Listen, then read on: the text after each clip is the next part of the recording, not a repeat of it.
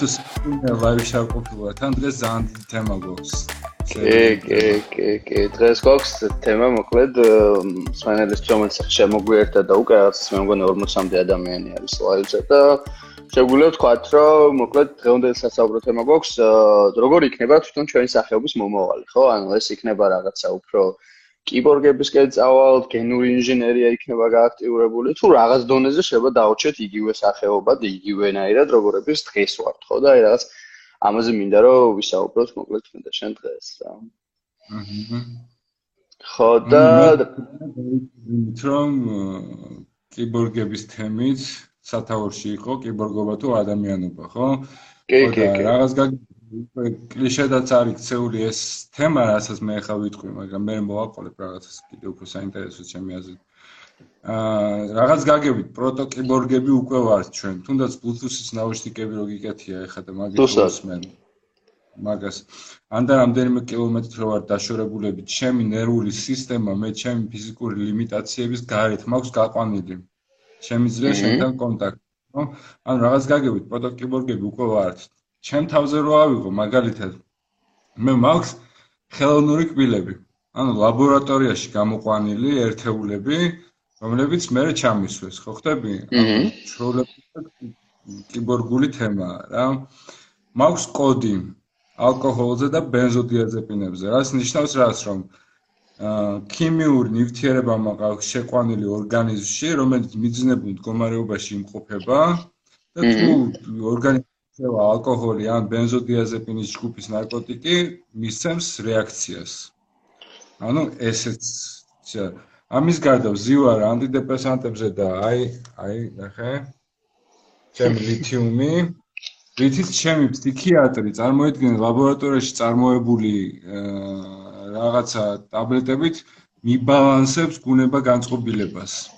მიბალანსებს რომ ყოველდღიურად თავი ვიგზნო ნორმალურად, კარგად, აქტიურად და ასე შემდეგ. მიბალანსებს ამას ანტიდეპრესანტებით და ლითიუმებით. და ამას დავამატებდი კიდე ერთ რაღაცას.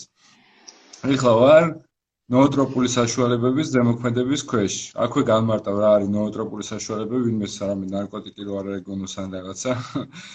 ნოოტროპული საშუალება არის ისეთი საშუალებები ქიმიური, რომლებიც აფართოვებენ კოგნიტურ პერფორმანსს. ხელს უწყობენ კონცენტრაციას და ასე შემდეგ. ერთი მაქვს დალეული ალფა ბრეინი, რომელიც საქართველოში არის შოება, გამოვიწერე და მაგასვავ და მეორე ფენიბუტი. და ფენიბუტზე მინდა უცებ მოვაყოლო პატარა ისტორია.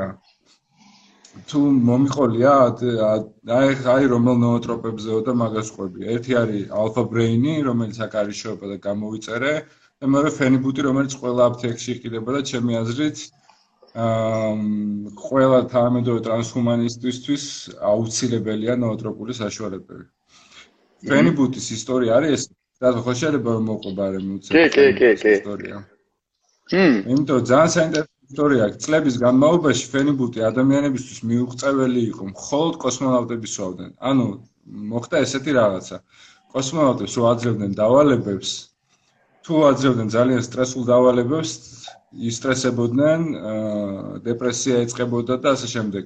აძლევდნენ დამამშვიდებელს. დამამშვიდებელს უაძლევდნენ, სტრესი ეხსნებოდათ, მაგრამ დავალებებს ვერ ასრულებდნენ, ფუნქციურები ვერ იყვნენ. ამიტომ დადგა ესეთი მომენტი, რომ გადაეწყვიტათ, მოეგონებინათ ესეთი საშუალება, რომელიც თან გამშვიდებს, მაგრამ თან შენს კოგნიტურ პერფორმანსს აფართოვებს. და ესე გამოიგონა ბუტი. და დაახლოებით 20 წლის განმავლობაში 30 წლის განმავლობაში ეს ნივთიერება იყო მხოლოდ და მხოლოდ რუსი კოსმონავტებისთვის განკუთვნილი მეტი არავისთვის. მეტი საერთოდ კაცი შვილი აი იმინა იმინა რუსებისთვის და არა სიტყვაზე რუსებმა გამოიგონეს რუსებმა გამოიგონეს რუსებმა გამოიგონეს და მაგათ ჰქონდათ და ეხა იყიდება ყოველ აფთიაქში ნებისმიერ აფთიაქში იყიდება 250 მგ-იანი ტაბლეტი არის რა ხო და ესეც რაღაც გაგებით მე მის მის თქვა მინდოდა ამ ყველაფერს რაც ჩამოთვალე რომ მეც რაღაც გაგებით და შენც რაღაც გაგებით უკვე პროტოკიბორგები ვართ კიბორგიზაციისკენ მივდივართ. აჰა მოიცადე? ავერსი რომ ამზადებს მაინც ვარგა არ ვიცი ხო ქართულიც არის ქვია ნეო ნეო არ მახსოვს რა ქვია ქართული ვერსიაც არის ფენიბუტის თუმცა ის არ გამისინჯავს და ვერ გეტყვით რამდენად კარგია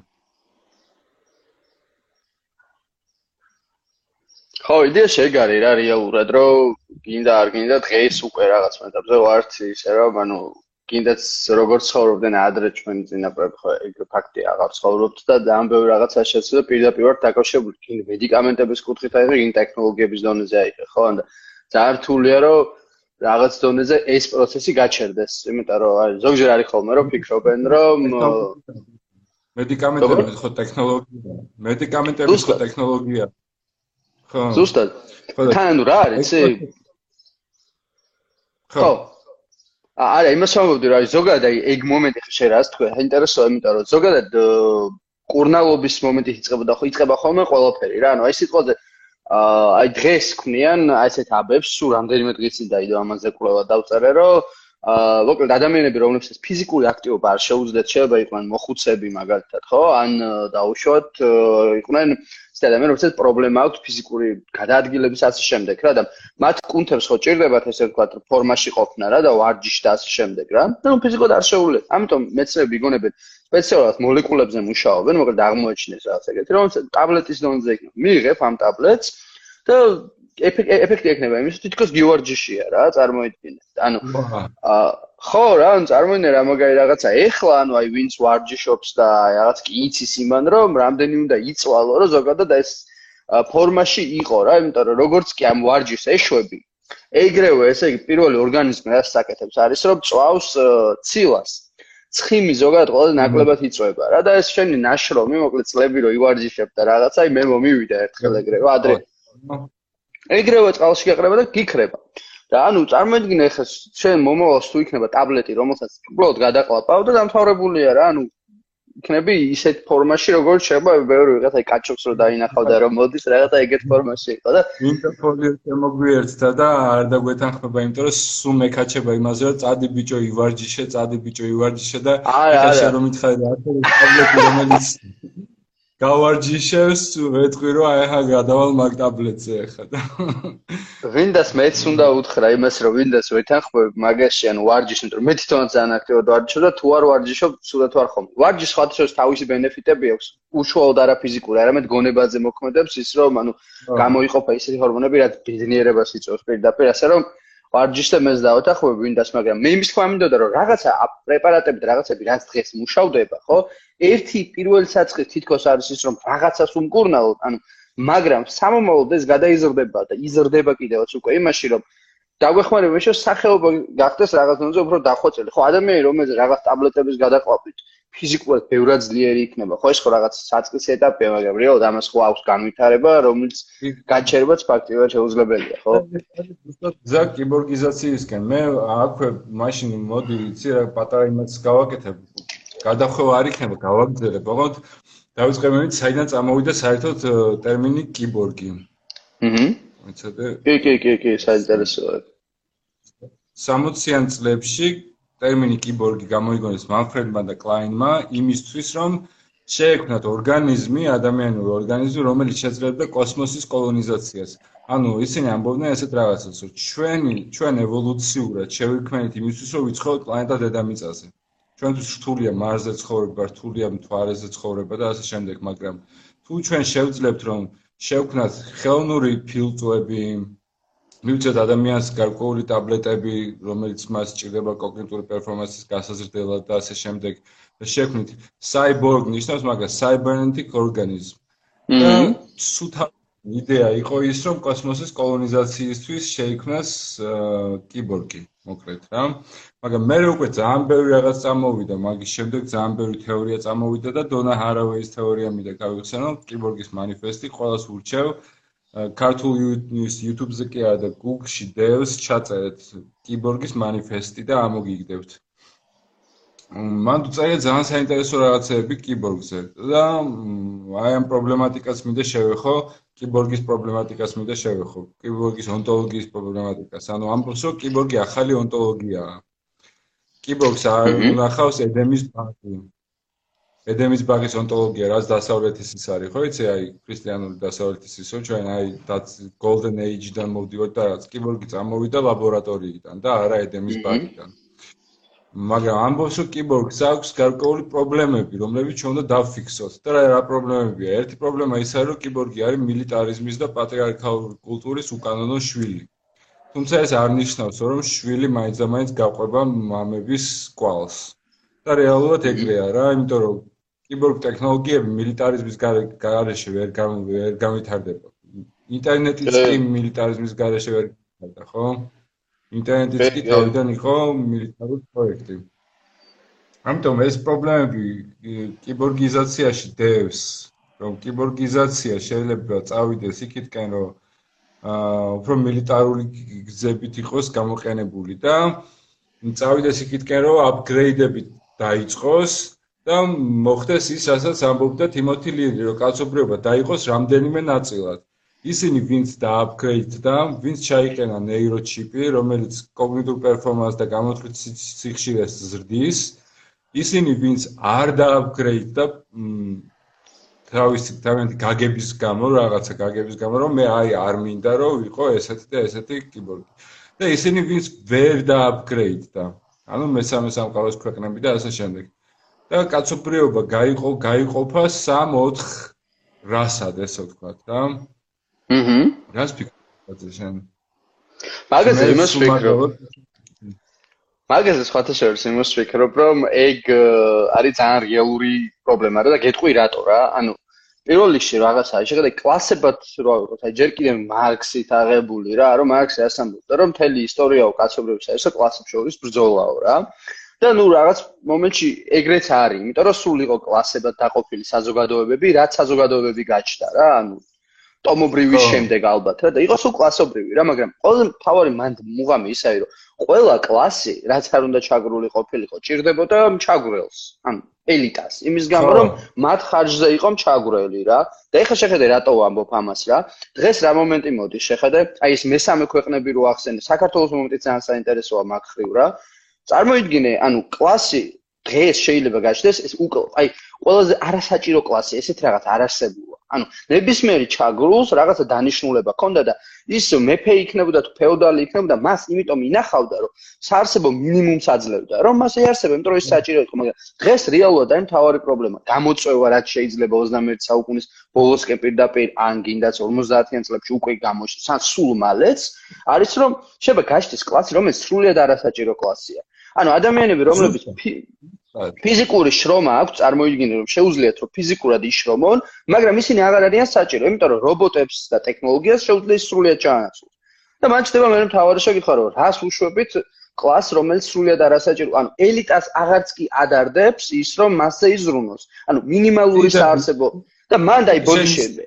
ხო, აი მან იმის თქვა რომ მან შეიძლება პირდაპირ მნიშვნელობით რაღაც ეტაპზე რო უფიქრობ ხოლმე ეგეთ მომავალზე შეიძლება გაიყოს სახეობა კაკრას იმით რომ ანუ რაღაც დაწილება და იყოს ანუ ვიღაცებმა ელიტებმა გინდას ანუ ეს რაღაც სულ ვარიანტზე ვსაუბრობ შეიძლება ეს არც მოხდეს ერთ-ერთ ვერსიას ვამბობ რომ შეიძლება ვიღაცებმა განაგრძონ ანუ განვითარება და რაღაც ახალ სახეობებს გადაონ რომ ვიღაცებს უბრალოდ არ მიეცეთ იმის საშუალება ძალიანაც რომ უნდათ რომ დააპგრეიდდნენ და დარჩნენ რაღაცა არასაჭირო კლასად იქცენ. ნუ იქ რა მოხდება მე უკვე არ ვიცი. აი ეგ გამახსენდა უბრალოდ ეხლა რო ამბობდი რა.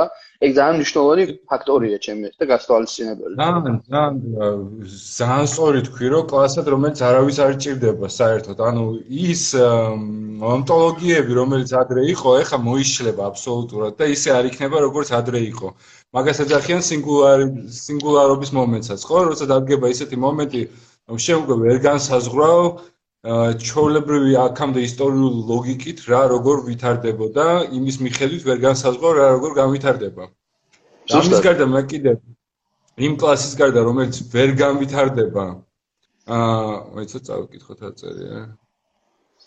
ხო, იმ კლასის გარდა რომელიც ვერ განვითარდება კიდე მგონია რომ იქნება კლასი რომელიც იტყვის რომ მე არ მინდა ჩიპის ჩაკეტა. ხო. როგორც ამის არიან ამერიკაში, ხო, მე-19 საუკუნეში ცხოვრობენ ფაქტიურად ცხენებით დადიან და რაღაცა რა და არ მინდა და დავრჩები ისე როგორც ვარ. ხო, ვიღაცამ დააკომენტარა დარჩით ადამიანებადო და მაგაზეა ესეთი პასუხი მექნება რომ ადამიანი ძალიან ფლუიდური ცნებაა, ძალიან ფლუიდური ცნებაა და სუიცვლება ადამიანი რაც არის და ადამიანად დარჩენა შეიძლება ზუსტად ის ხალხი იყოს, ვინც ამას იტყვის, რომ ჩვენ გვინდა რომ დავრჩეთ ადამიანებად და არ გვინდა ჩიპები, არ გვინდა აპგრეიდი, არ გვინდა კოსმოსის კოლონიზაცია, არ გვინდა ეს ახალი ტაბლეტები, რომელიც კუნთებს მიზრდის და ასე შემდეგ და დავრჩები იმედ რაც ვარ. და ძალიან საინტერესო იქნება რა მოხდება მაგ შემთხვევაში და დიდი ალბათობაა რომ ეს რაღაცა მოხდეს, იმიტომ რომ სეგრეგაცია ისედაც სოფლიოში უკვე არსებობს. დასავლეთში ტექნოლოგიები ისეთ სისწრაფით ვითარდება, შენ ყოველთვის აშუქებ ამ ტექნოლოგიებს და შენ უფრო კარგად იცი ხო? და სისწრაფით ვითარდება ტექნოლოგიები და საითკენ მიდის ვაფშე ყველაფერი ეს, ყველაფერი, მაგრამ აქ მეორე მომენტი შემოვიტანოთ, ბარემ შენ რაც დასაწყისში თქვი, რომ შესაძლებელია რომ ჩვენ კიბორგიზაციისკენ კი მივდივართ, მაგრამ შესაძლებელია რომ ეს იყოს სრუგზა, იმიტომ რომ თუ ბიოტექნოლოგიები ბიოტექნოლოგიებში მოხდება ძალიან დიდი გარღვევა, შესაძლოა ჩვენ საერთოდ არ დაგვჭირდეს ხელოვნური ფილტვის ჩაყენება და პირიქით ბიოტექნოლოგიებით მოხდება ცვლილებების შემოტანა ორგანიზმში. ხდები გენური ინჟინერიით მოხდება. ზუსტად. გენური ანუ ჩიპს კი არ ჩავიყენებ ტვინში. გენში ჩამიწერენ კოდს რომ დავიბადები აინშტაინად. ეს ვაფშე შეცვლილა. ეს საერთოდ შეცვლის სურათს. და შენ რას ფიქრობ, აი ამ ორ გზას შორის, იმიტომ რომ მე უფრო კიბორგის გზა ცოტა რთულად ხედავ, იმიტომ რომ რთულია მართლა ადამიანი უნდა დაიბადოს, მე ამ ადამიანს ჩიპი უნდა დაუყენო, მე ეს ჩიპი სწორად უნდა მუშაობდეს, მე ეს ჩიპი არ უნდა დაიჰაკოს, სიტყვაზე ვამბობ და ასე შემდეგ. მეორე გზა არის, რომ თავიდანვე გენეტიკურ კოდში და გენეტიკური კოდი რა არის? გენეტიკური კოდი იგივე ტექსტია, ხო? ამ ტექსტში წერ გარკვეულ წინდადებას, რომ ამ ადამიანს ვიღაცა წერს აპგრეიდი კი არა ხალხი არიბანსო ოკეი ამ ტექსტში გენეტიკური კოდის ტექსტში წერო ეს ადამიან ამ ადამიანს უნდა კონდეს IQ ამდენი და ამდენი სიმაღლე ამ ხელა და ამ ხელა და გამოყავს როგორც გინდა. გამოყავს როგორც გინდა. აი მაგაზე რას ფიქრობ? მე ეს უფრო ცოტა საში უფრო საში მგონია მაგრამ უფრო უფრო ადვილი რა გაგებით იცი რომ თუ ბიოტექნოლოგიებმა იფეთქა ძალიან მაგრად უფრო ადვილია ჩიპის ჩაყენებაზე უფრო ადვილია გენეტიკური კოდის გადაწერა ჩემი აზრით. ხო აი მან როგორი რაღაცაა იცი აი ეგა ძალიან საინტერესო თემაა იმიტომ რომ მაგას მე უყურებ რაღაც დონეზე ისე რომ ანუ შეიძლება თქო რა ძალიან ისე თუ შევხედოთ მომავლის გადმოსახედიდან ეგ ორი მიმართულება. რაღაც ეტაპზე ცალ-ცალკეც კი განვითარდეს რა წარმოიდგინე ერთი მხარე ვითარდება სიტყვაზე გენური ინჟინერის კუთხით და მეორე ვითარდება რობოტიკის კუთხით რა სიტყვაზე. და ანუ აი მაგხრივადაც კი წარმომიდგენია და ჟაი ძალიან შორეულ მომავალზე რო ფიქრობ აღონდეს ძალიან შორეულ შეიძლება სულ ერთ საუკუნე იყოს მეტი ან არა 70 წელს პირობითად ვამბობ რომ აი ამ ხრივადაც კი გაიყოს სახეობა რა. მთავარი იდეა და ეგ მუღამი ეგაი რომ ანუ ეს სახეობის გაც შეცვლის მომენტია ხოლმე რომ ანუ რამდენად შეიძლება რომ ერთ სახეობა რომელიც დღეს არის გადაიქცეს სხვადასხვა სახეობებად რა და მათ შორის გაიყოს რა მე მაგალითად აი სამეცნიერო ფანტასტიკაში ზოგადად აი ვიხილავდი ძალიან ესე ვთქვათ რაღაც იმას ვიძლევი ახლა რა რა არ ვიცი რა დავაკომეს მაგრამ რომ აი სადაც აი ამ ორი ცივილიზაციის ბჭყალებში დაპირისპირებები და ეგეთ რაღაცები იქნებოდა ხოლმე ნაჩვენები რა წარმოიდგინე ანუ ერთი არის ცივილიზაცია რომელიც სულთა გენური ინჟინერის დონეზე არის მოხოდილი და მეორე არის რომელიც აი რობოტები არიან და მე ეს წარმომიდგენია ხოლმე როგორ იცი რომ აი ტიპები რომლებიც ძალიან გენური ინჟინერიას ბოლომდე მიაწვევიან დარჩებიან უფრო ბუნებასთან შეიძლება ბუნებასთან დარჩენ რა, უფრო სინქრონიზაცია მოახდინონ და ესენი, რომლებიც უფრო რობოტიკისგან წავლენ, საერთოდ არ იქნებიან და მათ ამ ორი ცივილიზაციის ჯახი სულაც თავი დავანებოთ, აუცილებელი არის რომ ერთი ადამიანი გადაიქცევა პირობითად რომ წარმოვიდეთ სამყარო ხო ძალიან დიდია, უსასრულო გალაქტიკები და შეიძლება ესეთი ორი ცივილიზაცია არსებობდეს, სადღაც ერთმანეთს შეხვდეს. და ანუ ძალიან საინტერესო ესენი როგორ და რანაირი ინტერაქცია ექნებოდა ერთმანეთთან წარმოიდგინეთ ცივილიზაციები რომელსაც ერთი ამბობს რომ საერთოდ შანგბადი საერთოდ რა არის არ მე ხე არ მაინტერესებს რა არის რა. მისი მენტალობაც ხო საერთოდ გადაწყობილია იმიტომ რომ მას აღარანაირი ემპათია აღარ გააჩნია ასეთი სახის სიცოცხლის ეს მეორე პირიქით შეიძლება წავიდეს და რაღაც ჰარმონიას რაღაც ეტაპზე მაგაში ეძებდეს რა და აი ეგ ორი არის ისეთი რაღაცა რაც მგონია რომ ანუ დაუფიქრეთ მაგაზე თუ რანაირები შეიძლება იყოს ეგეთ ცივილიზაციები და როგორი და რაც შეიძლება სიმარტივეს აი შე რო ამბობდი სიმარტივეს. სიმარტივეზე ვფიქრობ რომ მე ყოველ შემთხვევაში ეგ რო ვფიქრობ რომ არო აი ხა არის მაინც თანაბრად რა ფსონები თითქოს რა და იმიტომ რომ აი რო უყურებ ამ კვლევებს ხო მაგრამ აი რაღაც ეტაპის თითქოს უფრო ეს გენური ინჟინერია აქვს უფრო დიდი პოტენციალი სისტრაფით რომ გაასწროს ოდნავ რა მაგრამ ყველაზე მაგარი რაღაც რა არის იცი რომ აი ამ ორი სინთეზი ხდება დღეს რა მაგალითად ნანო რობოტები ხო იცი რა თქმა უნდა ხა რა წარმოიდგინე და ეხა ერთ-ერთი თუ არ მეშლება ვიღაც ჩინელი მკვლევარი მკვლევარი იყო რომელიც გააკეთეს ერთი რაღაცების პატარა ნანო რობოტები გააძრო რომელსაც უშვებს შენს სხეულში და ამათ შეუძლიათ რომ მოგიტანონ ნებისმიერი წამალი. ეხლა რო საუბრობდით რომ აი რაღაცა მივიღე ტაბლეტი. ეს ნანორობოტი ტიპია, რომელიც მთელი არმიები იქნება ამ ნანორობოტების და 10000ობით ტიპი მოდის შენს ორგანიზმში და პირდაპირ უმიზნებს უჯრედს, ან იმ ლოკაციას შენს ორგანიზმში, სადაც უნდა მივიდეს, რა და რატო არის აქ თავარ მიღა? აი კიბო მაგათ, მივოდა ეგრევე მოკლავს ამ კიბოს უჯრედს რა. ან ის რო შენ რაღაც დონეზე შეგცოვს და რატო ვამბობ ამას რა? ბოლოს შეიძლება ეს თვითონ ეს ჩინელი მკვლევარი ამბობდა რომ ბოლოს ჩვენ შეიძლება თვითონ ჩვენს ორგანიზმში შევქმნათ ბიოკომპიუტერები რა, პატარა ბიოკომპიუტერები, ქარხნები, რომლებიც თავად აწარმოებენ უკვე ამ ჩვენზე უშუალო ჩვენს გენეტიკაზე მორგებულ ამ ნანორობოტებს. ანუ ამ ნანორობოტს მე ვიღაც ტიპი კი არ ლაბორატორიაში კი არ გამოვიყვა. ბიოკომპიუტერი მექნება, რომელიც თვითონ ჩემს გენეტიკაზეა მორგებული და ის ამზადებს ჩემს არმიას, დამცავ არმიას. ეს ვაფშე არ არის უცხო, იმიტომ რომ დღეს ხო არის იმუნიტეტი, რომელიც მე მიცავს. უბრალოდ იმუნიტეტი შეიძლება დახვეცა.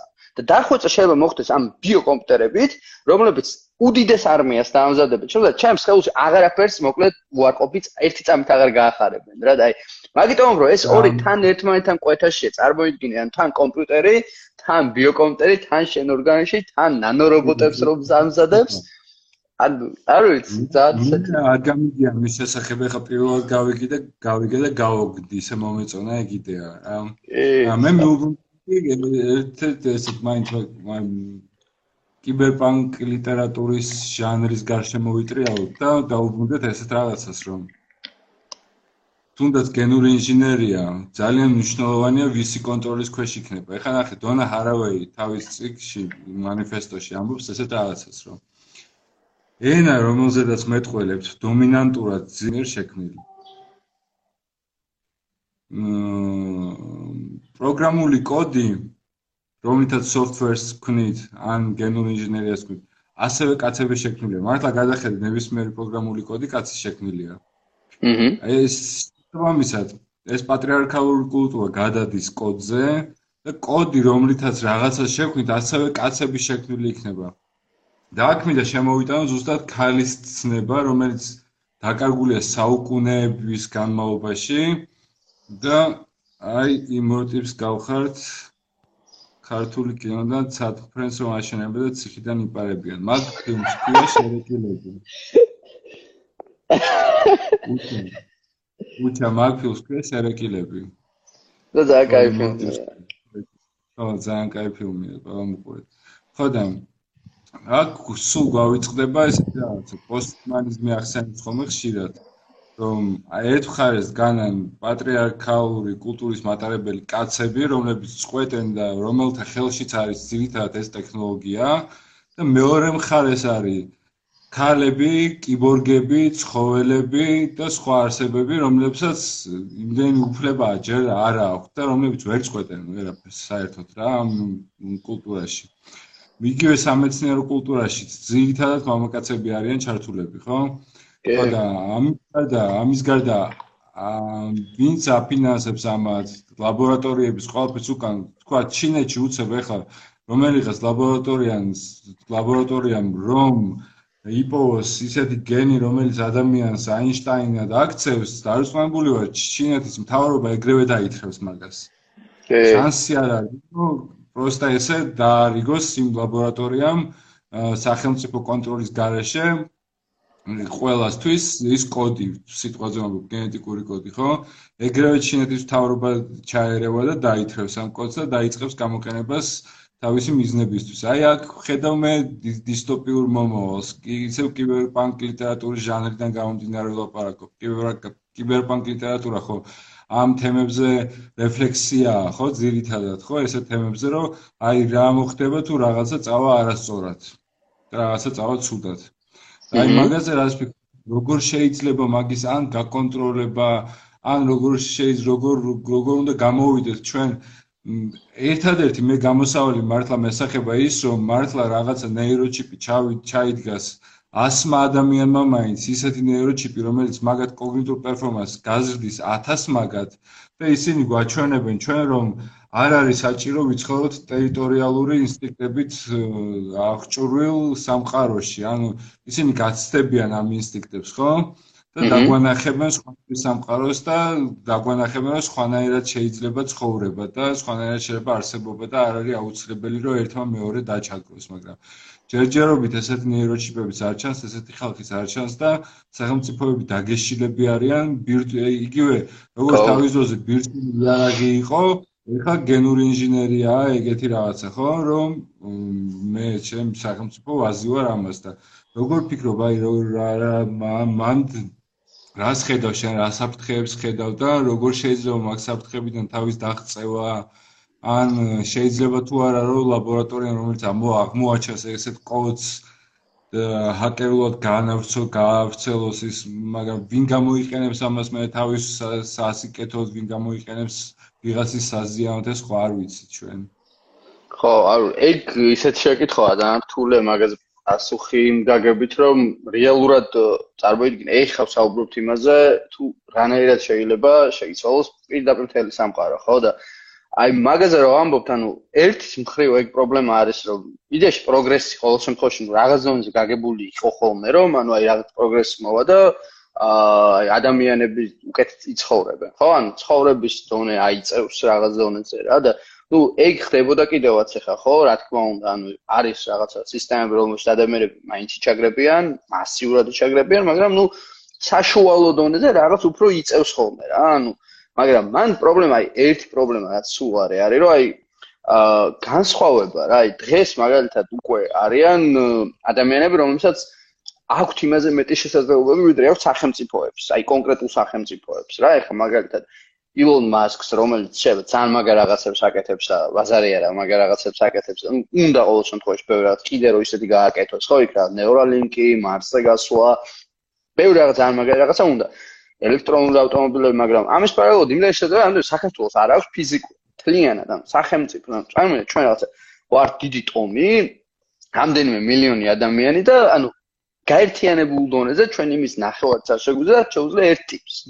ხო და ეს აჩენს პირდაპირ იმ ტენდენციას, რომ ამან მომავალში შეიძლება უფრო გაზარდოს რაღაც დონეზე ეს უთანასწორობის მომენტი რა, იმიტომ რომ ანუ აი მე მე მანდ ბოლო დროს ცოტა მაგან ცოტა უფრო ჩამაჭირა რომ ანუ თუ შევხედავთ იმას რომ ეს ტიპები ვიღაცები ან იმ დონეზე შეიძლება მართლა განვითარდნენ რომ ეს სხვარი წაიშალოს რა. აი მანდ არის მახსენდება სიცოცხლის გახანგრძლივების მომენტი რა, რაც ასევე ძალიან მნიშვნელოვანია და მაგაზეც აი რო ლაპარაკობ ხოლმე ან რომ მისაუბრე სხვა სხვა ადამიანთან ზოგს აქვს ეს მიდგომა რომ ანუ ვერ წარმოუდგენიათ რა, იმიტომ რომ ანუ ერთი შეხედვით ახლა წარმოიდგინე ანუ ყველანი ყვდებით, ყოველ 20-დანვე ყველა ყვდებოდა და აი ხა შენ რო ეუნები ადამიანს, ვიცი რა, შენ შეიძლება იყო ბოლთაობა რომელიც სიბერით ყვდება, მაგას გეუნებიან რომ შენ აი შერეკილებიო რო გითხეს, აი კაროჩე რაღაც ეგეთ ფილმში ხარო რა გეტყვის რა იმიტომ რომ ნუ როგორი რაღაცა წარმოუდგენელია რა შეიძლება რომ არ მოკვდე ხო?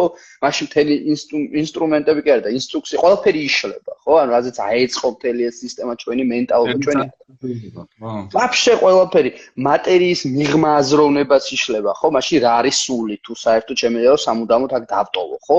რელიგიებს რო თავი დავანებო და მთელი მთელი მთელი ამბები. მაგრამ რატო ვამბობ ამას უყურე დღეს რეალურად აი საკმარისია რა nature-ზე რო შეხვიდე ადამიანი ან ნებისმიერ ისეთ ჟურნალს სადაც იდება უახლესი კვლევები და ყველაზე ავტორიტეტული კვლევები ნახავ რომ იქ თაგვების დონეზე უჯრედულ დონეზე ამას მეცნიერები უკვე აკეთებენ. ანუ ერთი მარტივი რაღაცა არის რომ შემიძლია რომ ტიპი გავა ახალგაზრდავო დაჟე. ანუ ის კი არა რომ მის დაბერება შევანელო არამედ აი თაგვებს იღებენ რაღაც პირობითად 8 წლის თაგვია მის უჯრედულ გადაწყობას ახდენენ და ის ტიპი იჩება უჯრედულ დონეზე 3 წლის თაგვად. ანუ ახალგაზრდავდება და ის ფიზიკურად უფრო ახალგაზრდა. ოღონდ ეს არ არის ის რომ აი რაღაცა მე ვლაპარაკობ რომ 100 წელიწადში დღეს აკეთებენ ამას წერთ ხოლმე რა, აი მაგალითად next ძალიან ბევრი კვლევა და მე როგორ წარმატებით დასრულდა. იქ იყო გვერდითი მოვლენა რომ მაგალითად ერთ თაგვს რომელსაც იგივე კვლევა ჩაუტარეს რაღაც სიმსივნურის გართულებები დაემართა. ზოგს არ დაემართა, მაგრამ ეს არის აი ძალიან საწყის ეტაპი, საწყისი წერტილი. აი მაგალითად საუდის არაბეთის სამეფო, ხო ვიცით რომ მაგ ძალიან ბევრი ფული აქვს და ადგნენ და რამდენიმე მილიარდი დოლარი თუ არ მეშლება 10 თუ არ მეშლება ყოველწლიურად გამოყვეს მარტო სიბერის დასამარცხებლად. ანუ ძალიან ბევრი ჯეფ ბეზოსმა ადგა და ძალიან ბევრი ფული ჩადო კომპანიაში, რომელიც სიბერის დამარცხებაზე აქცენტი ანუ ძალიან ბევრი ფული და ძალიან ჭკვიანი ტიპები დღეს ამაში უკედებენ ფულს და დღეს ამაზე კვლევები ტარდება. თავარი მუღამია რომ ეს გადააწყო ეხა შენ ადამიანზე და ჯერ უნდა დარწმუნდე რომ მუშაობს თაგზე ასე შემდეგ ნეულა გადაიტანო ეს და რატო ვამბობ ამას? რომ მე მოდი ესეთი პრობლემა. ოკეი აი დაუშვათ ხვალ სიცოცხლის გახანგრძლივება შესაძლებელი როგორც ვაქცინა პირობითად რომ აი კორონას ვაქცინა შეიძლება ყოველს გაიკეთებ ოკეი რაღაც პროცენტი თავში არ გაიკეთებს არენდობა ან იტყვის რომ მე უნდა მოვკვდე ან რაღაც ჩემი ისინი მელოდებიან პაპა მელოდება და ბებია იქ და დედა და უნდა მოვკვდე არ მინდა მაგრამ ვიღაცა და უმრავლესობა უწყვეტყოს რომ მინდა ოკეი всё არა არ უნდა მოუყვდე არც მან დერ პრობლემა ნუ რას ვაკეთებ და დღევანდელ სისტემაში რას არის დღევანდელი სისტემა მზად რომ მასიურად პირობითად ფამილიარ ადამიანს დავაირა და დავტოვოთ ხოლო უკვდავე მე მანდ შეიძლება ესეთი დილემა რომ მაშინ თუ ადამიანები არ ხვდებიან ახლებს ვაჩენთ ისევ და თუ ახლებს ვაჩენთ სად მივდივართ?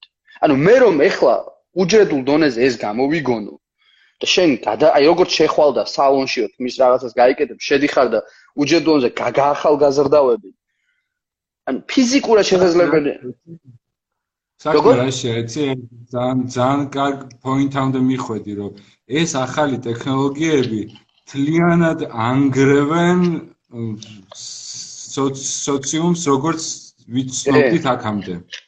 კი. ყველაფერს ამას ხათუცავენ და ამას რამდენად დაუშვებს სისტემა მე არ ვიცი მაგრამ უკტავებაზე გამახსენდა ახებს ვაჩენ თუ არა ვიჯ ერთი წარმოიდგინე რა ტრაგედია იქნება უკტავება როცა იარსებებს მაშინ რომ შემთხვევით მანქანა გაგიტანოს ეგ ძალიან გადაობა ან მე მაგდოს ყველაზე მაგრად დაფასდება სიცოცხლე რა.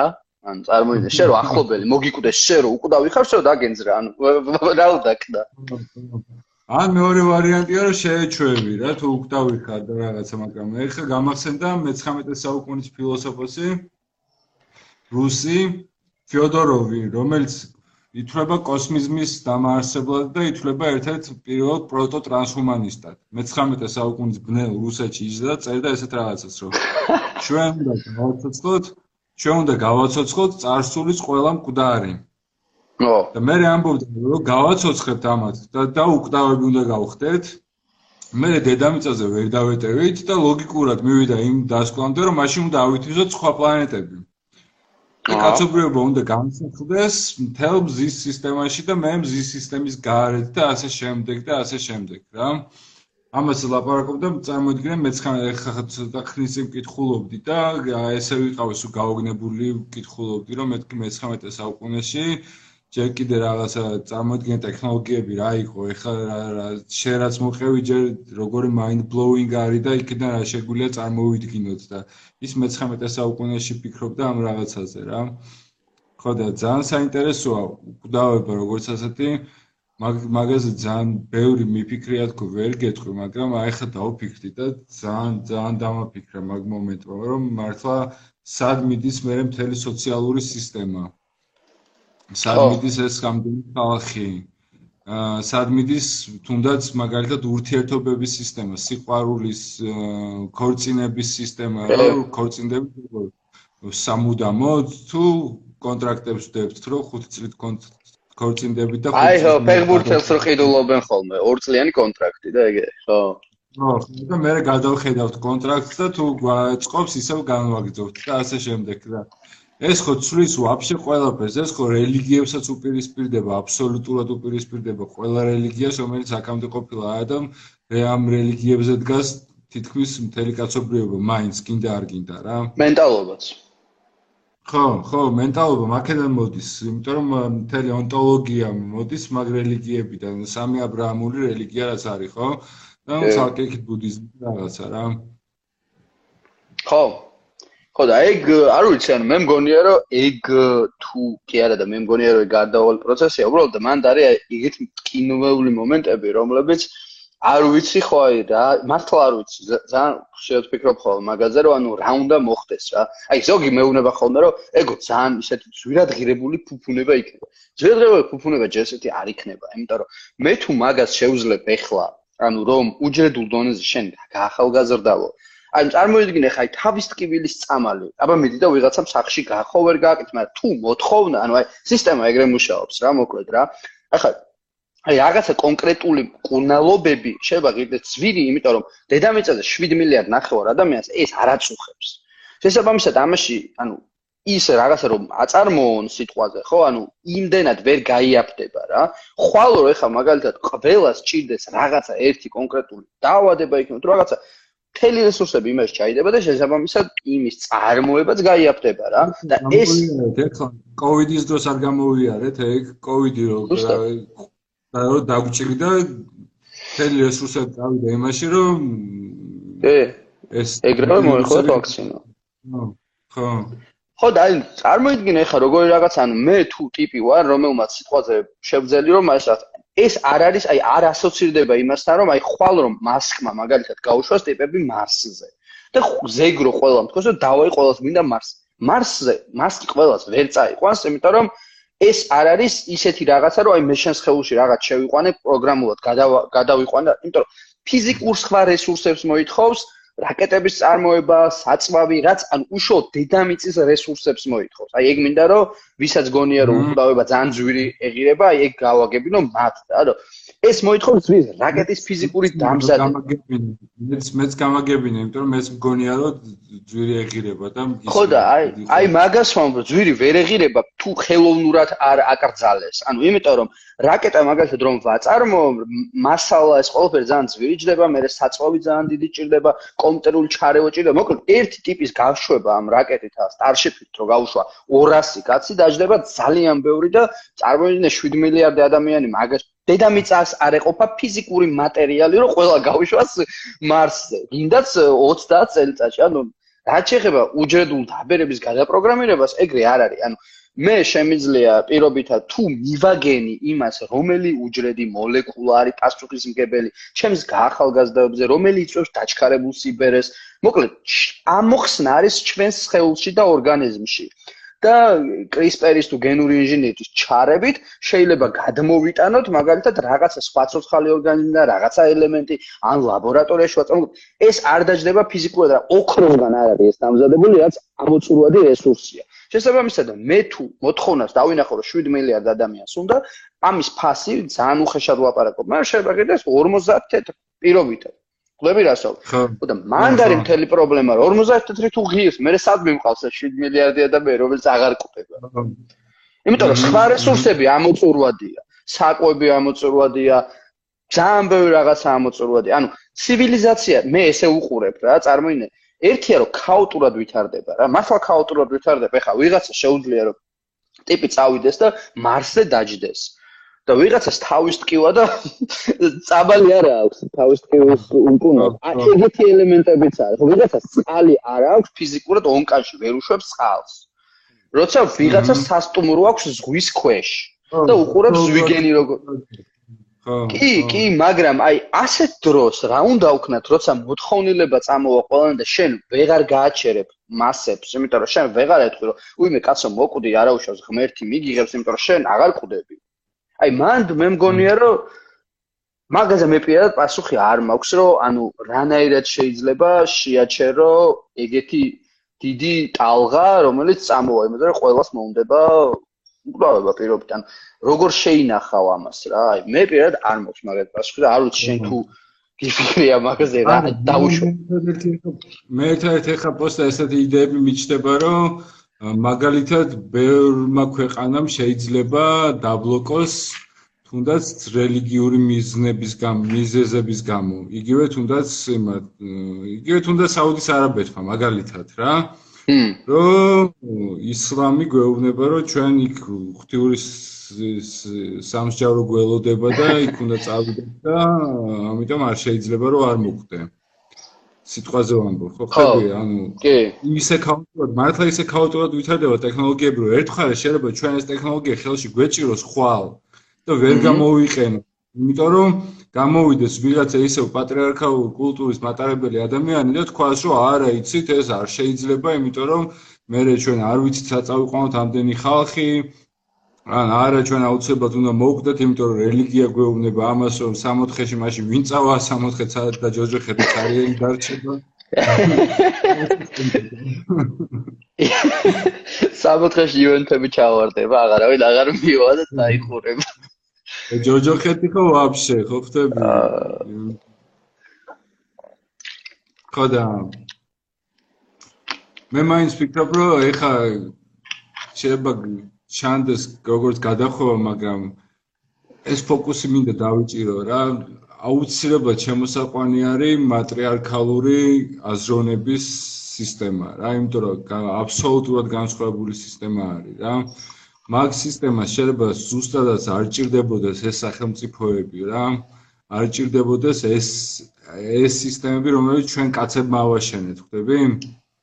და დონაჰარავი თავის მანიფესტოში ყვება რომ ისე დაალაგდაო მაინც და მაინც სისტემაა რომ კაცებიო ლინეარულად ვითარდებიანო ერთმანეთზე რეფერენსებს აკეთებენ და ვითარდებიან და მეცნიერებაში ესე მიდისო და ქალებიო ციკლურადო ციკლურად დადიანო, ანუ დაბადება, ქორწინება, ისევ ქმარი და ეს კაცებიო ამ ქალების ციკლებზე ზედ გადიან და მიდიან სადღაც წინო. ვიღაცამ დაწერა ევროპაში არ გვიღებენ და უკტაებას ვინ მოგცემსო. ეგეც არის ხო? ხო, ნუ წარმოიდგინე, ეგეც არის მომენტი, როცა ევროპა გეუბნება რომ არ გიღებ, იმიტომ რომ ჯერ არ ხარ საკმარისებურად ცივილიზებული, შეიძლება ესე გითხრას რომ არ მოგცემ უკტაების იმას, იმიტომ რომ შენ რო უკვდავი იყო, წარმოიდგინე ბიძინა რო უკვდავი იყოს, როგორი ისი გიშეკნება რა. ბეძინა პუტინი და ისტორიულად ტიპები, ვინც მასიურად ჩაგრაუდნენ ვიღაცებს, რომ არასდროს არ მომხდარი.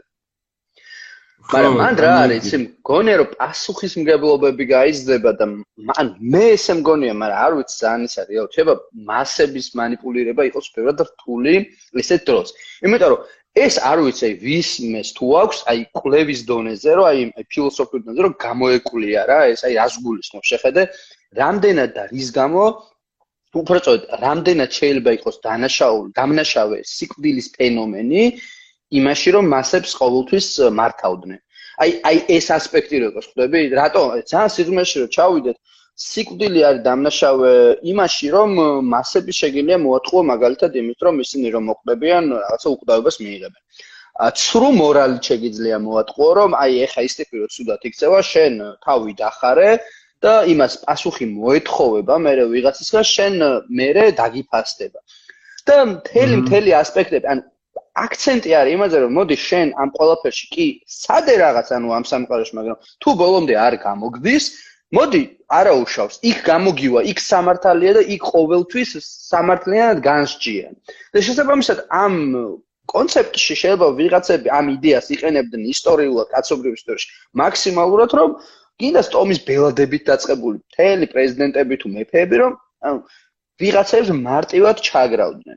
თუ ფსონი ჩამოდის თელს ყველაფერი ამ სამყაროზე და ყველა მისით რომ მე ამ სამყაროში უნდა ვიყო თელი ცხოვრება, რამდენად დავთანხმდები მე იმას, რომ ვიყო გინდაც ჩაგრული რაღაც დონეზე. ანუ აი ეგ არის. ანუ რამდენად დავთანხმდები იმას, რომ აი ვიღაცა ბიზინა ივანიშვილს კონდეს გინდაც ლეგალურად პირობითად 7 მილიარდი. არ ვიცი, მაგრამ აა იცი რა არის უკვდავება არაფართოებს ცნობიერებას. უკტავება უბრალოდ მაძლევს მე იმას, რომ ცხოვრების ხანგრძლივობა მიგრძელდება, მაგრამ მე მენტალობა შეიძლება შემიცვალოს. ხო, მაგრამ არ ამგონია რომ ისე გამიფართოვოს ცნობიერება, რომ მე დღესვე გავთავისუფლდე და უცებ თქვა რაღაც ისეთი რაღაცეები, რაც აკამდე არ მithქვას. უბრალოდ ცხოვრება მექნება უფრო ხანგრძლივი და უფრო მეტ რაღაცას დავინახავ და შეიძლება 100 წლის მერე აზე მოვიდე და თქვა რომ თქვენ ბიჭო შეგხვარ გაქვთ ეს ახდება ამ ქვეყანაში და რაღაცა. აქ რაღაცამ დაწერა ესეთი მეთქე ხედულობის დაკარგვის სამკურნალო გენური თერაპია ერთვალზე 425k დოლარი ღირს. არ მგონია გაცილებით ნაკლები დაჟდეს ვიდრე მთვარეზე წასვლაო.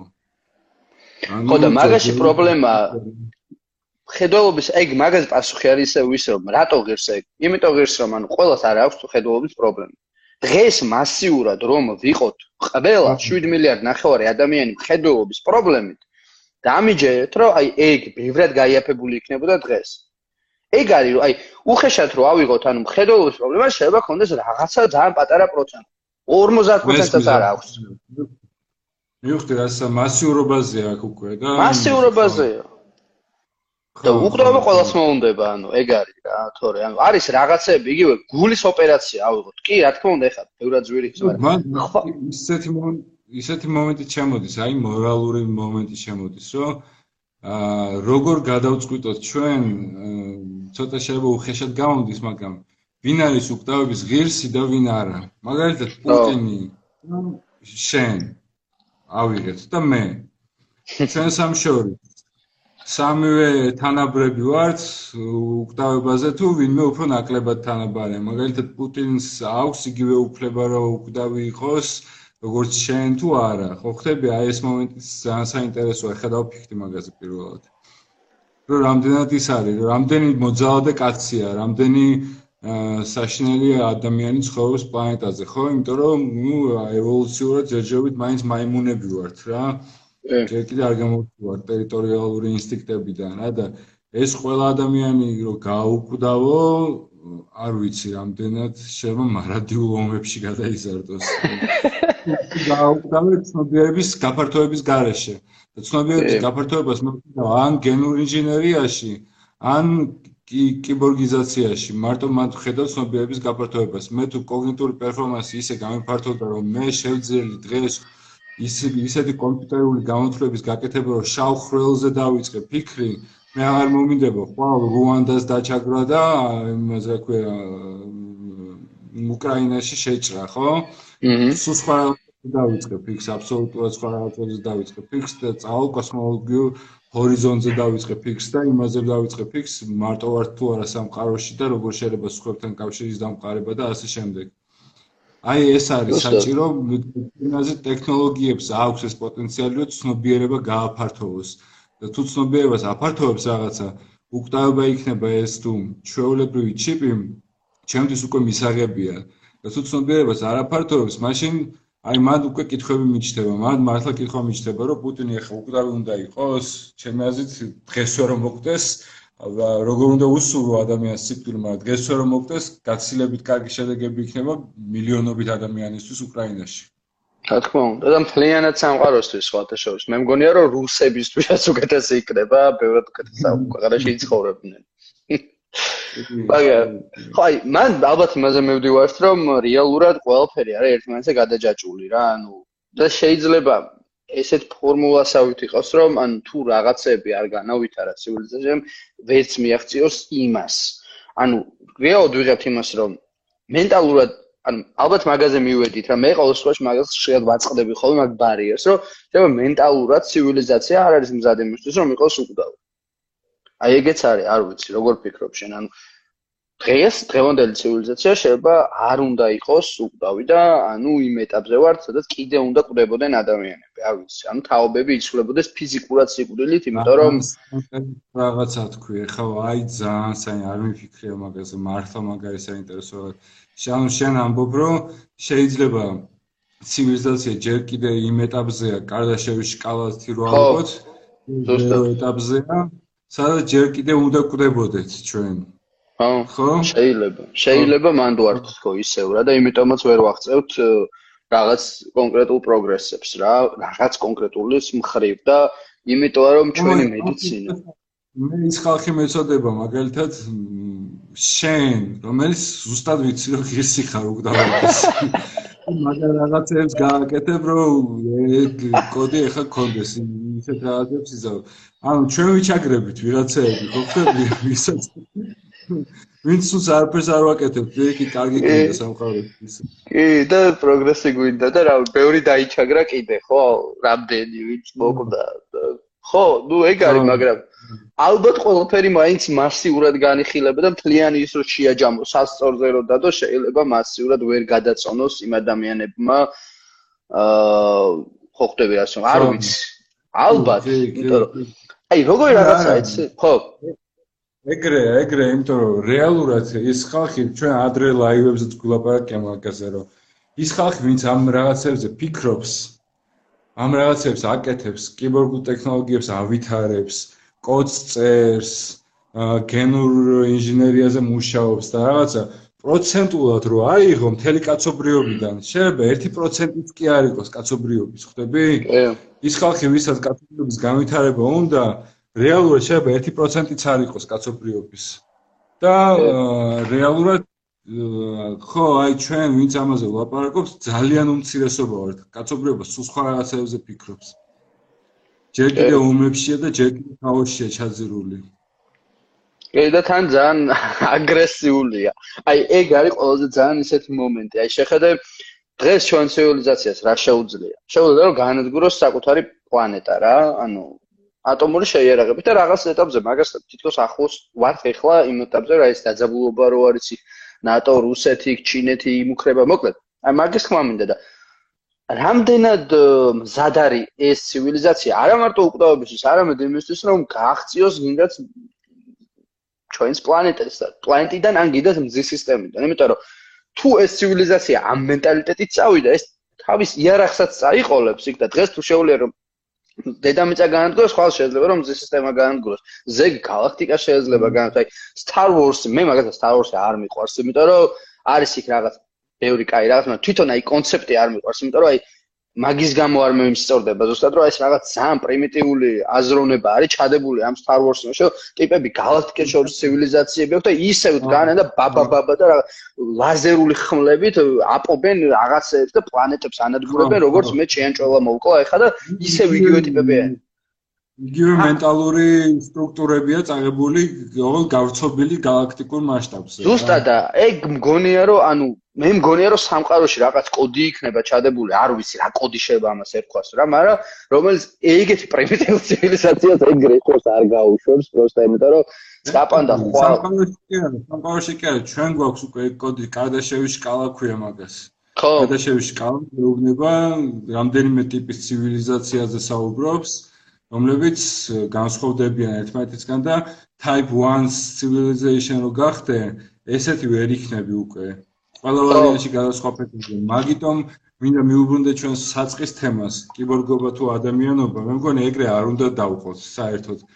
ადამიანობა უკვე ნიშნავს კიბორგობას ყველა გაგებით. პირველი იარაღი რო იხმარა ადამიანმა ხელის ცეცხლის ასანთება და კიბორგული ტექნოლოგია იყო. და ყველა ვარიანტში მაგეთკენ მივდივართ და თუ ეს კიბორგიზაცია მოგცემს ცნობიერების გაფართოებას, ჩვენ გავხდებით მაშინ დათო ის ცივილიზაცია, რომელიც ღირსია, რომ უკვდავით გახდეს და პლანეტიდანაც გააღწიოს და სხვა პლანეტებზეც გადასახდეს, თუ ცნობიერება გაგვიფართოვდა. თუ არ გავრჩით ისევ მენტალურ ღრიჭოში, რომელშიც ვართ და ვერ გამოვდივართ.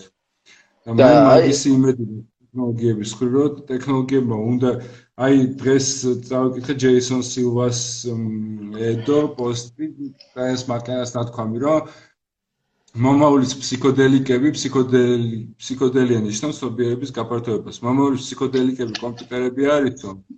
და კომპიუტერები მომავლის ფსიქოდელიკები არისო რაღაც გარკვეულ კომპიუტერმა შეძლო გაფართოება იმის, მაგრამ მე მგონია რომ ეს ტექნოლოგიები არის ჩვენი მომავალი ფსიქოდელია, ჩვენი ცნობიერების გამოფართოვებელი რა. და დიდი იმედი მაქვს რომ საბოლოო ჯამში აა რენესანსიც რა იყო, რენესანსის დროს როება როეძახიან რენესანსის ეპოქას, განა ყველა იჯდა და უცების გახდა, რა ქვია, საოცარი მხატვარი და რაღაც სულ 5-10 ადამიანის მიერ არის შექმნილი მთელი რენესანსის ეპოქა, რომელიც სხვადასხვა დროებში ცხოვრობდნენ თან. აღარ შექმნეს ეს და ამიტომ ჯერა რომ თანამედროვე ტექნოლოგიები და ის ხალხი, ვინც მუშაობს ამ ტექნოლოგიებზე და ის ხალხი, ვინც ამ ტექნოლოგიების გარშემო მუშაობს, აი შენ მაგალითად და სხვა ხალხი, აი ეს ადამიანები მგონია რომ შეძლებენ მაინც იმის გაკეთებას, რაც აქამდე არავის არ გაუკეთებია და ჩვენ შევძლებთ რომ დავაღწიოთ თავი პლანეტის გრავიტაციას და გადავიდეთ სხვა პლანეტებზე. ხო, არ შენ ფიქრობ ანუ მას რომ ამისთვის რეალურად ჩვენი ბიოლოგიური არსი როგორც ვართ არ არის, ხო? ან ან საკმარისი და უეჭველი არის ჩარევა რაღაცა ჩემ. მე პირადად ეგრე მგონია რა. კი, გეთახმები აბსოლუტურად. ეგ მაგ თქვი, რომ კიბორგიზაციამ, ან კიბორგიზაციამ უნდა მიგვიყვანოს იქამდე, ან გენურმა ინჟინერიამ უნდა მიგვიყვანოს იქამდე, რომ ჩვენ რაღაცნაირად ჩვენ, იმიტომ რომ ნახე რა მოხდა. ჩვენ განვავითარეთ ძალიან მაგრა ტექნოლოგიები, მაგრამ ჩვენი ტვინი იგივე არის, რაც იყო 20 წლის წინ. ზუსტად. ზუსტად. იგივე არის და ტვინი არ განვითარებულა და ტექნოლოგიები სწრაფად განვითარდა, იარაღები გვაქვს, ბირთვული იარაღი გვაქვს. მაგრამ ტვინი ზუსტად იგივეა რაც 50000 წლის წინ იყო. ანუ არ შეცვლა არაფერი და ტვინი უნდა შეიცვალოს ცნობიერება უნდა შეიცვალოს იმისთვის რომ გავიწევთ აქედან. მე ამას ვაწვევი და მგონია ეს უფრო მგონია ყველაზე სწორი რა ზუსტად, ზუსტად, იმიტომ რომ აი არტურ კლარკის ის რო არის ფილმი რო არის კოსმოსური 2001-ის კოსმოსური ოდისეა, ხო იცი ეგ და მანდ არის ერთი კადრი რა, მოკლედ ეს სპითეკანტროპები არიან ტიპები რა, მომაიმუნო მოადამიანო ტიპები, რომლებიც თავიდან ფილმი რო იწყება, მოკლედ რაღაცაზე ჩხუბობენ ერთმანეთს, საჭმელს ვერ იყოფენ თუ რაღაცა და მოკლედ ერთმანეთს უყვირიან და ერთ-ერთი აძრობს იარაღს, ანუ ის მონოლითი ეს შავი ქვა რომელიც ჩაერთვება და მოკლედ ამათთვის დაბუსტავს რომ ესენი განვითარდნენ ფილმში ეგიდია ციკშის მოკლედ მან იჩნდება ეს მომენტი რომ ანუ ერთ-ერთი პითეკანტროფი მაიმუნის მაგვარი და ადამიანის მაგვარი არსება იღებს ჯოხს მოკლედ და ამ ჯოხით გაყრის ამ ტიპებს თავის მოწინააღმდეგეს და მე ამ ჯოხს აგდებს ჰაერში. და ჰაერში რო აგდებს ამ ჯოხს ეს კადრი წკაპან გადადის და მე რეიჩდება უკვე მე-20 საუკუნის კადრია. და ეს ჯოხი უკვე ძვალი რომელიც იარაღად გამოიყენა მე რეიჩდება იმად რა? კოსმოსურ ხომალდად ესე გადადის და მე-20 საუკუნე. ხო და ნუ ამით შემეაზე ან მაგარი მეტაფორა. ზუსტად. რომ კლარკი გვეუბნება მაგით რომ ანუ არტურ კლარკის ციგნია უბრალოდ ანუ ეს გვეუბნება ეს კუბრიკი უბრალოდ რომ ანუ ეს რა ვქეთ ძვალი იგივე კონცეპტუალური იერარქია და ეხა არის რაკეტა. და იგივე გაგზე ერთი თუ ძვალი დაიჭირა ამან გაგზეო და ეხა უჭირავს რაკეტა, მაგრამ იდეა რა არის, რომ ანუ ეგეც მაგას ამბობს მაგ ფილმშიც და წიგში ჩემი აზრით, რომ რასაც შენ ამბობდი, ეხა რომ ანუ იგივე ტიპები ვართ სინამდვილეში დღესაც. უბრალოდ იერარქია არის დახვეწება, პასუხისმგებლობის შეგრძნება ჩემი აზრით მაინც იგივე დონეზეა, იმიტომ რომ ბიოლოგიას ხო ვერ აკონტროლებ შენს ინსტინქტებს ვერ აკონტროლებ ხა მე და შენ ხო საუბრობ მაგრამ ჩვენ ხო გაუბრაზებულ ვართ ჩვენ ვის გვისმეს ის ხო გაბრაზებულა და რომ გამოდიხარ წყობიდან და იმ მომენტში რომ ძალიან საშიში ხარ შენი თავისთვისაც ხვისთვისაც იმ ადამიანებისთვის ვინც გიყვარს. აქვე მინდა ზუსტად თქვა ესეთი რაღაცა კიდე. აა საუბრის გარდა პრაქტიკული მომენტები არის ძალიან მნიშვნელოვანი კიდე. ნახე ჩვენ თუ ვემზადებით იმისთვის და მე პირადად ვემზადები მართლა იმისთვის რომ მოხდეს საყოველთაო კიბორგიზაცია ან გენურ ინჟინერიაში მოხდეს ისეთი გარღვევა რომელიც დაგვეხმარება რომ სადღაც უფრო წინ წავიდეთ ცნობიერება გავიფართოვოთ მაგრამ ამის მზადებაში მე პასიურად არ ვზივარ სახში რა. მე ვეწერ მედიტაციას სვავ ნოოტროპულ საშუალებებს ეხლა ვცდილობ ვარჯიში დავიწყო ბევრს კითხულობ ხდები და ამას მოუწოდებ ჩვენ მსმენელსაც რომ აუ აქტიური ტრანსჰუმანიზმი ქვია ამას, როცა შენ აქტიურად ხარ ჩართული, შენ თავს ავითარებ ყოველდღიურად და შენ თავს რო ავითარებ ყოველდღიურად, ამით აქტიურად ხარ ჩართული მომავლის მომზადებაში. და სხვებსაც აძლევ მაგალითს ამისას რა. კი. ხო და მაგას ვამბობ, აი შენ რო თქვი ის მომენტი ჩვენს რო გავბრაზებული ვართ, მე მაგალითად თერაპიაზე დავდივარ ყოველ კვირაში ერთხელ. და აი ვსწავლობ ძალიან ბევრ ინსაიტს ჩემს თავზე, აი გაბრაზებაზე, როგორ მართო გაბრაზება, როგორ როგორ რაღაცაზე როგორ ვირეაგირო და ასე შემდეგ. ხო ხდები? ხო და ყოველას მოუწოდებ აქტიური ტრანსჰუმანიზმისკენ, თქვენს ცხოვრებაშივე დანერგეთ აა ის იდეალები, რომლებიც გინდათ რომ განხორციელდეს სამყაროში და პლანეტაზე. აი თერაპიაზე დამაინტერესა, ანუ როგორ იმაშობე, ან ვცდილობ რომ გააკონტროლო შენი ბრაზის პირობითად ასევე ერთ-ერთი ეგეც არის, ან მე მაქვს ხოლმე ეგ რომ მინდა რომ კი, ბრაზი, ბრაზი, სინანული, სირცხვილის შეგრძნება, ყველაფერი ეს მოდის პირველად ობიექტებთან, პირველად ობიექტები ეს არის დედა, მამა, მაგათთან ურთიერთობის შედეგად და ასე შემდეგ და აა მოკლედ ძალიან ბევრი ღრმა თემა არის, რომელსაც სწავლობ როგორ აკონტროლო, რა საიდან მოდის. ყველაზე მთავარია სწავლობ საიდან მოდის. რომ მიაგნებ საიდან მე ძალიან მარტივია მაგის გაქრობა თუ გაქრობა გინდა ან გააქტიურება რაღაცის თუ გააქტიურება გინდა. ხო, ხო, არ მე მე მიგზნია რომ აი ეგეთი რაღაცები მინდა ხოლმე რა, განსაკუთრებით აი მე მიმაჩნია რომ რაც უფრო მარტივად გამოდიხარ ადამიანი წყობილებიდან, მით უფრო სუსტი ხარ რაღაც ეტაპზე. ესე ვხედავ, არ შეიძლება არ ვარ სწორ, მე ესე მგონია და აა მინდა ხოლმე რომ და მინდა რომ აი ეგ ვაკონტროლო ხოლმე რაღაც ეტაპზე, იმიტომ რომ მგონია რომ აი რატო ვამბობ ხა ამას ერთ შეხედვით თქო რა შუაში ამ თოს რა არის ჩემი ერთ შუაში, იმიტომ რომ ეგ გვაგდებს კაკრას იმ ძველ პითეკანტროპებთან გვაგდებს, რომელიც ჩვენში დევს. ანუ გენეტიკურ დონეზე კი შევიცვალეთ, რაღაცები დაიხოცა homo sapiens-ამდეც ხო იყო რაღაც სახეობები და იმათი გენებიც ხო გვაქვს, აი მარტივად რა ვიყო ნეანდერტალების გენები გვაქვს, სამ ბევრს ხო? ანუ არა მარტო ნეანდერტალებს, ანუ ეს რაღაცები გენეტიკურ დონეზე იმდენად გადახლართულია თქონჩო ძალიან ბევრი რაღაც გვაქვს ესე თქვა წამოღებული კიდე უფრო შორეული წინაპერ სახეობებისგან რა და ყოველი ჩემი აგრესია ხოლმე მგონია რომ მაგდებს მე როცა ვიძახი რომ მინდა რომ რაღაცა უფრო რაციონალური არსება გავხდე და რაღაცა მგონია რომ სულ მაგდებს ხოლმე იქ. იქ საიდანაც შენი გაბაზება მაგარი აპასნია იმიტომ რომ იჭრევინები მე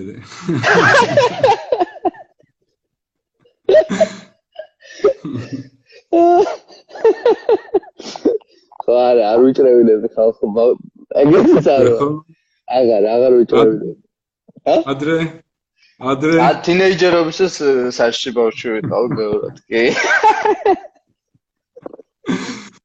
ხო და ეგ ყველას გვაქვს ყველას გვაქვს ეგ რა ყველას გვაქვს და უნდა ამ ამასთან ვისწავლოთ ურთიერთობა, ესე ვთქვათ რა, საკუთარ ესეთ თერაპიაში მაგას ეძახიან ჭდილოვან ნაწილს. აჰა. საკუთარ ჭდილოვან ნაწილთან უნდა ვიურთიოთ. და ვიღაცამ თქვა ბარბაროსული ხარე არაზოს უნდა დაკარგო. საინტერესო მოსაზრება მ ძალიან იმიტომ რომ ბარბაროსული მხარე არაზოს უნდა დაკარგო იმ სამყაროში, სადაც ბარბაროსობა ნორმალიზებულია, მაგრამ ჩვენ გვიდა სხვა სამყაროს აშენება რა. სადაც არ არის საჭირო ტერიტორიალური გაყოფა იმების, ინსტინქტურად ტერიტორიალური დაყოფა ტერიტორიების, რომ ეს ჩემია, აქ ამ ხეს მე მივაფსი და ეს ხე ჩემია დღეიდან და ეს ქალი ჩემია დღეიდან და ასე შემდეგ. მე მგონი მაქედან უნდა გამოვიდეთ რა.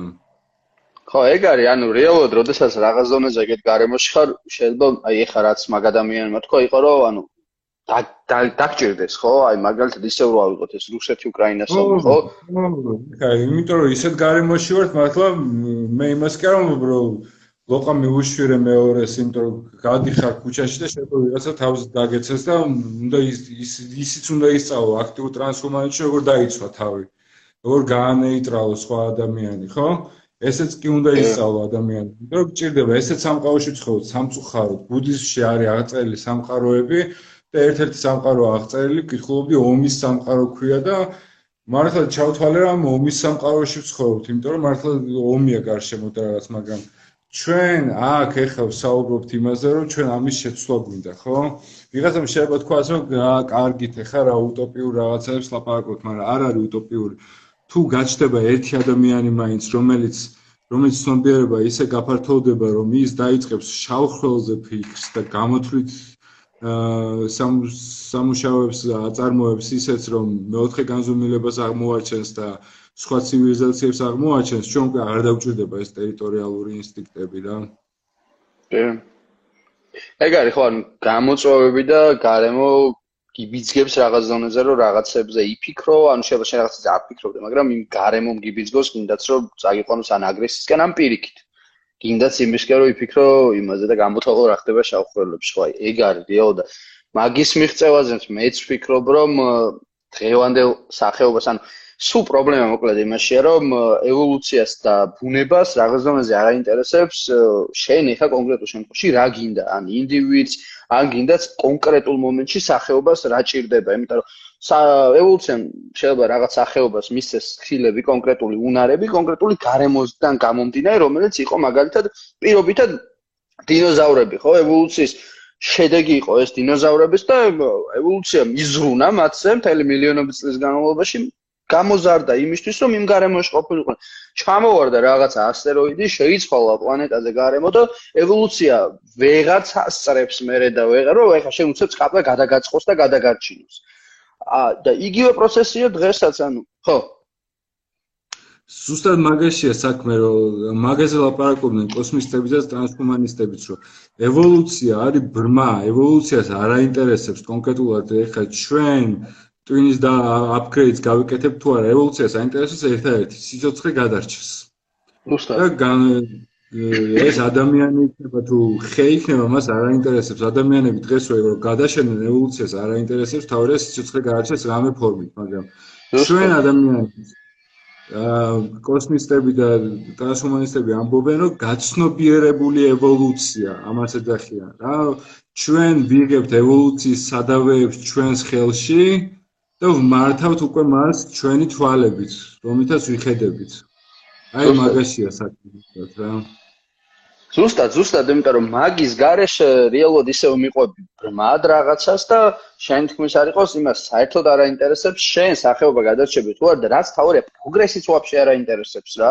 ხვალ ევოლუცია რაღაც რო გარემო შეიცვალოს ხელს მოაწერს იმაზე რომ ადამიანი პირობითად გადაიქცეს 9 თავიან 7 ფეხება რაღაცა არსებად ობობო არსებად და გააგრძელოს სიცოცხლე იმას სულ არ აინტერესებს ვაიმე ადამიანი ხა შავხელებზე ფიქრობდა თუ არაო თელი ფუნდამენტი ეს რომ ადამიანი რომ ადამიანის მაგვარი მაიმუნის მაგვარი არსებები რომ დადიოდნენ 4-ზე ორზე რომ გასწორდნენ ხელში დაიჭირეს იარაღი და всё წკაპეს იარაღი რომ დაიჭირეს აღარს გააგდეს ხელიდან და ხელები რომ გაუთავისუფლდათ ორი ზედმეტი საწავიღოთო და ხან რაღაც გამოძერწეს, ხან ქვა აიღეს, ხან რაღაცა და მე ტვინმაც დაიწყო გაზრდა იქნებოდა რომ ეს ორი ხელი რაღაც ტრან რაღაცებს აკეთებდა გაუთავებია რა და ევოლუციაც გამოყვა და გამოყვა და ანუ მიგიყვა და აკავთ მე რას იზამ უკვე რაღაც ეტაპზე ნუ შენზია რა თქმა უნდა პასუხის ძალიან გაზრდილია მაგრამ ვიდგაცნობიერებული ევოლუცია, ანუ აქ იქამდე თუ მივედით, რომ ევოლუციის პროცესში გაგვიჩნდა ცნობიერება, მოდი მადლიერები ვიყოთ მაგისი და ცნობიერება გამოვიყენოთ იმისთვის, რომ ბრმა ევოლუციური პროცესები მართოთ უკეთესობისკენ, ესე ვთქვათ რა. კი, კი, კი, კი, კი.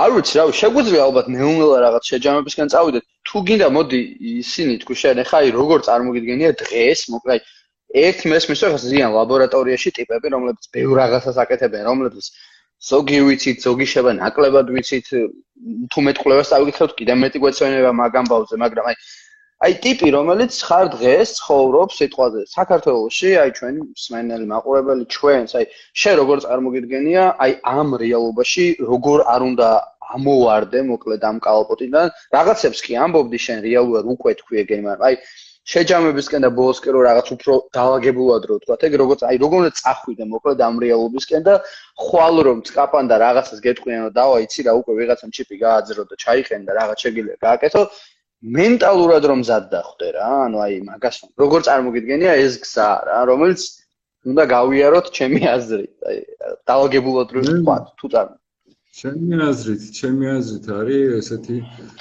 გზა ჯერთი მენტალურად მზად უნდა ვიყოს მაგისთვის, ვიცი რომ ძალიან რთულია ჩვენაერ ქვეყანაში, რომელიც ომის მუდმივ მზაობაშია ყოველთვის, ხო? თუნდაც ის ის არ ვიცით რუსეთი როდის დაგვარტყავს და ქვეყანაში რა მოხდება და რაღაც მაგრამ ეს კიდე უფრო მეტად მაძლევს იმას რა ქვია დრაივს რა რომ ჩვენაერ ქვეყანაში მაინც შევძლო მენტალურად მზად ვიყო კაცობრიული ცულებებისთვის. და ვიცი ხალხს ურჩევდი ნოოტროპული საშუალებების მიღებას ბევრ კითხვას ციგნების კითხვა არის ძალიან ძლიერი ასევე ნოოტროპული საშუალებაა ფაქტიურად. მედიტაციას რომელიც ძალიან შველის გონების დაწყნარებას ემოციების დაწყნარებას რაღაც მედიტაცია სიკვდილზე მედიტაცია სიცარიელეზე მედიტაცია ასევე შეიძლება მედიტაცია მე ვაკეთებ ხოლმე მედიტაცია სინგულარობაზე. რო წარმოვიდგენ ხოლმე რომ დგება 2055 წელი და ტექნოლოგიური სინგულარობა არის და მაგაზე ვაკეთებ მედიტაციას რა და ძალიან მეხმარებ. აი ეს სამი რაღაცა ძირითადად ჩემი აზრით აა ესე ვთქვათ ფორმაში ფორმაში იქნები რა ყოველთვის ფორმაში იქნები იმის რომ რამე მზად იყო რა და ვარჯიში, აუცილებლად, აუცილებლად ვარჯიში. ფიზიკური. ხო, ხო, ეგ ცალკე კიდე იმას გიშვება რა. მე ჩემი აზრით რა ეს არის must do რაღაცეები, ანუ ნებისმიერმა კიბერპანკმა, ნებისმიერ აქტიურმა ტრანსჰუმანისტმა ეს რაღაცები უნდა აკეთოს რა ყველა ვარიანტში. არის კიდე ბევრი რაღაც ტაქტიკები, პრაქტიკები, რომლებიც კი რომლის კეთებაც შეიძლება უფრო ფსიქოდელური პრაქტიკებიც არსებობს, იმიტომ რომ ფსიქოდელია იმაში გეხმარება, რომ ცნობიერებას ცნობიერების გაფართოებისთვის უფრო მზად ხარ. და ნებისმიერი რამე ახალი ტექნოლოგია რო შემოდის, ისე არ ხარ რომ უიმე ეს რა არის და გავეკეთე ამას პირიქით იმას კარგად აანალიზებ და მზად ხარ მიმღებლობა გაქვს უფრო გაზრდილი მაგის მიმართ. კი. კი ბატონო. რამე ისეთ ხო არისო რაღაც შეკითხვა რამე დაგამახსოვდა თუ რაღაცები არის ხომ პროთ ვერ ვასწრებ წავიკითხო მართალი გითხრა ბევრი შეკითხვაა უბრალოდ მაგრამ მეც ვერ მოვასწარი აი რაღაცები სულ არის ხოლმე მაგრამ აა აუც ისე ეხა წარმოვიდგინე რომ ერთი ტიპი რო ყავდეს კიდე რომელიც აი რაღაც დონეზე ის იქნებოდა ძალიან საინტერესო იქნებოდა რა რაღაც დონეზე გათვითცნობიერებული ოღონდ ეხა ისეთი ტიპი არა რომ ითქვა რომ ო არა არა ეს არ შეიძლება რა ხო ხვდები ანუ ცოტა ისეთი ტიპი რა გათვითცნობიერებული მაგრამ თან ისეთი რო ჯარო ყოფილიყო ეხა წარმოვიდგინე ცოტა скеპტიკურად რო უყურებდეს. საინტერესო იქნებოდა მაგასთან როგორ როგორ როგორ იმას იზამდა, წავიდოდა საუბარი არა. მე და შე შეხმატკილებულად სინქრონულად. და ეხა წაგვივიდე ესე მესამე ტიპი რო გყავდეს, რომელიც გვეუბნება, რომ რაღაცა იცი, მე ყველაფერი მესმის, რაღაც აი სკოლების წავიკითხე, მაგრამ მოდი იქნება ეს ესე არა და ისე რა, რაღაც აშიშია რატომღაც და რაღაცა გვეუბნებოდი. იმიტომ რომ მგონია რომ რაღაც საინტერესო იმას ავაწყობ. ვინმე თუ ხარ გეგულება ეგეთ საერთოდ შე. არ ვიცი, ეხა ეხა ვერ ვიხსენებ თორე უეჭარი მყოლება ვინმე ეგეთი. თუ რამე გამოუშვებ. აი ვინდა რას ფიქრობს? არ ვიცი, ვინდა მე მგონი უკვე გავიდა, არ ვიცი, თორე გასულია. ო, ალბათ. გასულია. აა აი ზურა რა ვიცი კი რა თქმა უნდა. კი კი დაიდება ეს ჩაოლებრივ და ყველა შეიძლება რომ ნახოს თუ პრობლემოთ. რა ვიცი მე ძალიან მომეწონა კიდევ ერთხელ შემიძლია თქვა ჩვენ საუბარი ჩვენ გვაი ძალიან მომწონს ხო ძალიან მიყვარს შენთან ლაპარაკი ეს თემებზე მithumetes რა. ძალიან ცოტა ადამიანები და კითხა აი ახაც ჩანს პროცენტულად რამდენად ცოტა ადამიანია ასეთ საქმეებში ჩართული ძალიან ხელზეა სახელზე ჩამოვიჭრე ადამიანებს, ვისთან შემიძლია ამ თემებზე ვილაპარაკო და ერთ-ერთი შენ ხარ. რეალურად. ვიცი, მეც იგივე შემიძლია გითხრა, იმიტომ რომ ეგ პრობლემა არის ზოგადად და არ ვიცი, სხვა თემებზე ყოველთვის ყოველთან შეიძლება ისაუბრო და ეს თემები საუბარი ცოტა რთულია ხოლმე. მმ. რავი, მადლობა კიდევ ერთხელ ზურა შეერნობლეთ, ძალიან დიდი მადლობა. მადლობა იმას, ვინც გვიყურა, რა ვიცი. ვისაც მოეწონა, ვისაც არ მოეწონა, რა ვიცი, რაღაცები შეიძლება ისეთ შეკითხვები დაგვიშტრას, რიზიკოდ ვერ ვნახეთ, ვერ მოასწრეთ, ვერ გასხმა. რა ვიცი, მომავალ შეგიძლიათ მოგწეროთ ან გინდას next page-ზე, ან დააკომენტაროთ ვიდეო რო დაიდება და მეც და რა ვიცი, ზოგადად ვეცდებით, რომ რამე თუ ისეთ რამე შეკითხვები რაც ძალიან გაინტერესებთ, ამ თემასთან არის დაკავშირებული, რა ვიცი, კი პასუხობთ ხოლმე. მადლობა კიდევ ერთხელ და დროებით. კარგად. შევხვდებით, ჩაუდექს. Bye.